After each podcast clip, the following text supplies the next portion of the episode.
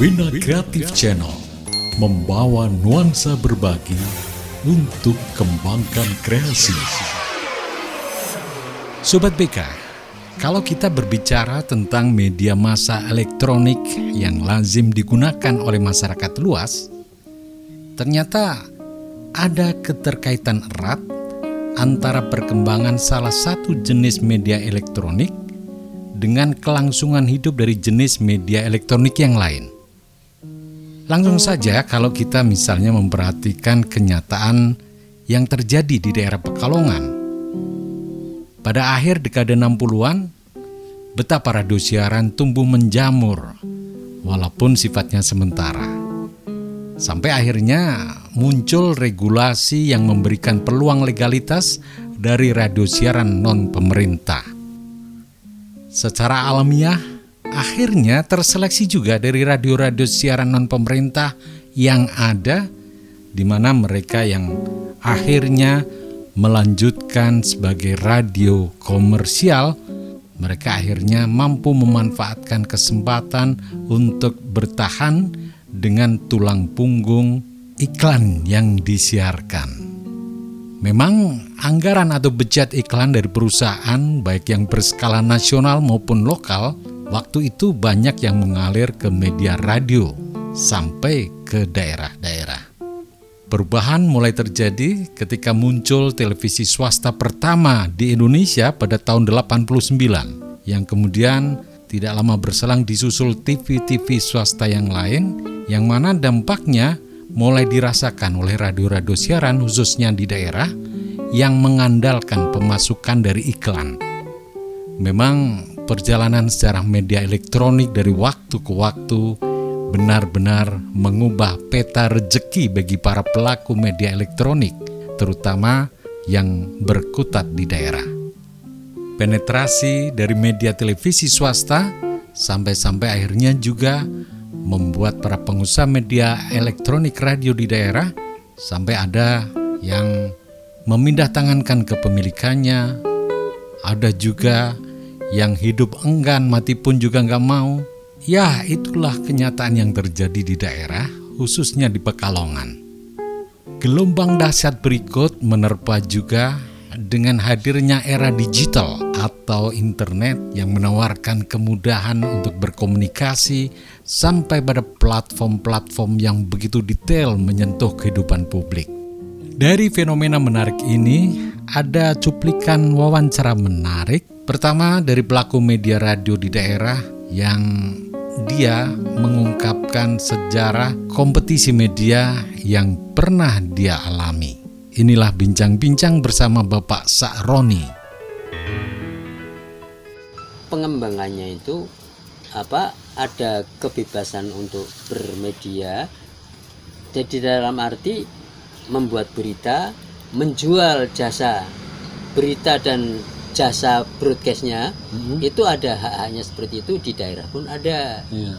cuma ini kan anu ketika sudah berbicara ke undang-undang ke PP itu kan para pemain-pemain besar semua di sana sehingga Makanya. kan tarik ulurnya kepentingan itu kan luar biasa saya yakin kita sebagai rakyat kan merasa ada wakilnya ya ketika ada pembahasan undang-undang ya mm. mungkin ketika lahir yang dulu uh, di mana ada pembatasan untuk jangkauan coverage areanya ah. gitu ya walaupun mungkin nantinya ketika diestafetkan atau direlay itu mungkin bisa kita masih masih oke di daerah berarti masih ada pemain-pemain Pak Mas Roni. Iya, iya.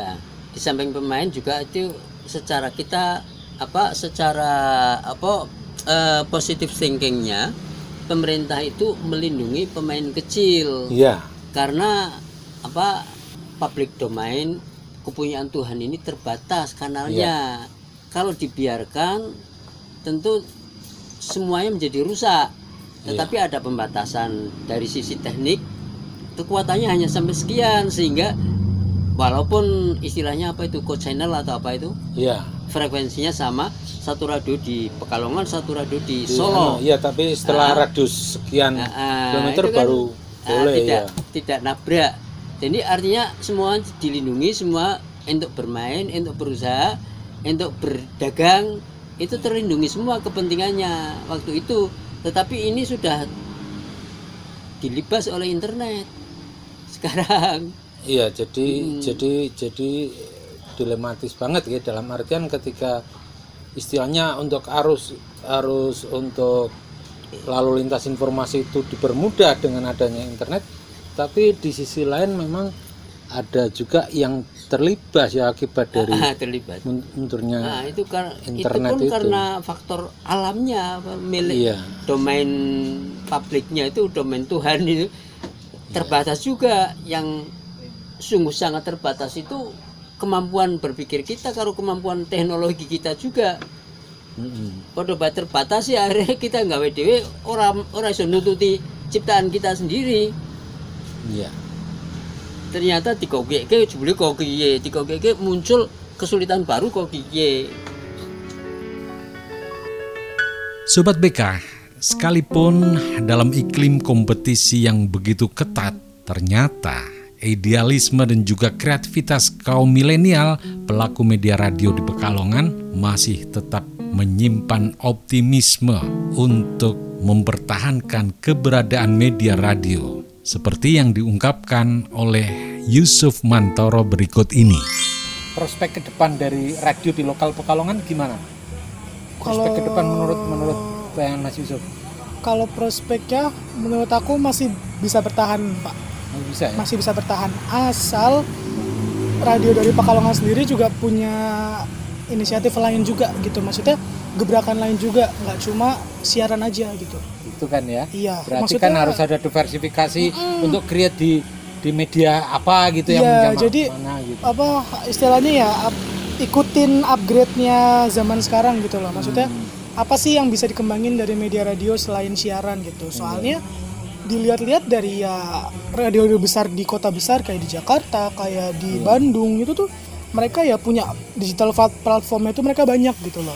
Nggak cuma hanya sekedar siaran, muterin lagu, udah selesai gitu. Tapi mereka punya apa ya kayak konten-konten lain selain itu gitu dan itu yang bikin mereka bertahan dan bahkan bisa eksis gitu loh. Iya, berarti memang itulah kreativitas untuk merambah ke eh, media-media lain. Iya. Kemudian ya tentu saja harus ada dukungan eh, secara secara apa namanya eh, kemampuan Iya. dari personalnya. Iya gitu betul, ya. dari timnya juga masing-masing radionya gitu. Soalnya kan kayak selama ini yang kayak aku pelajari di ketika di kuliah sampai aku juga masuk terjun di dunia radio sekarang pun juga uh, bisa dibilang radio di Pekalongan yaitu mindsetnya ya itu kayak media untuk teman-teman nemenin jahit dah. Gitu. Iya, ya, nah, sedangkan begitu ya padahal Ah, padahal sedangkan kayak di luar negeri tuh radio itu salah satu media yang besar loh kayak apa image-nya tuh radio tuh wow gitu loh di luar negeri gitu sama masa di Indonesia atau terutama di Pekalongan sendiri ya radio ya tempatnya buat apa nemenin wong jahit ngono yo Iya. itu yang kayak bisa sih sebenarnya dirubah gitu Ya, sementara sampai di sini dulu perjumpaan kita tentang seleksi alam dari kompetisi media elektronik di daerah Pekalongan khususnya. Insya Allah di kesempatan berikutnya kita bisa ketemu lagi dengan topik yang berbeda.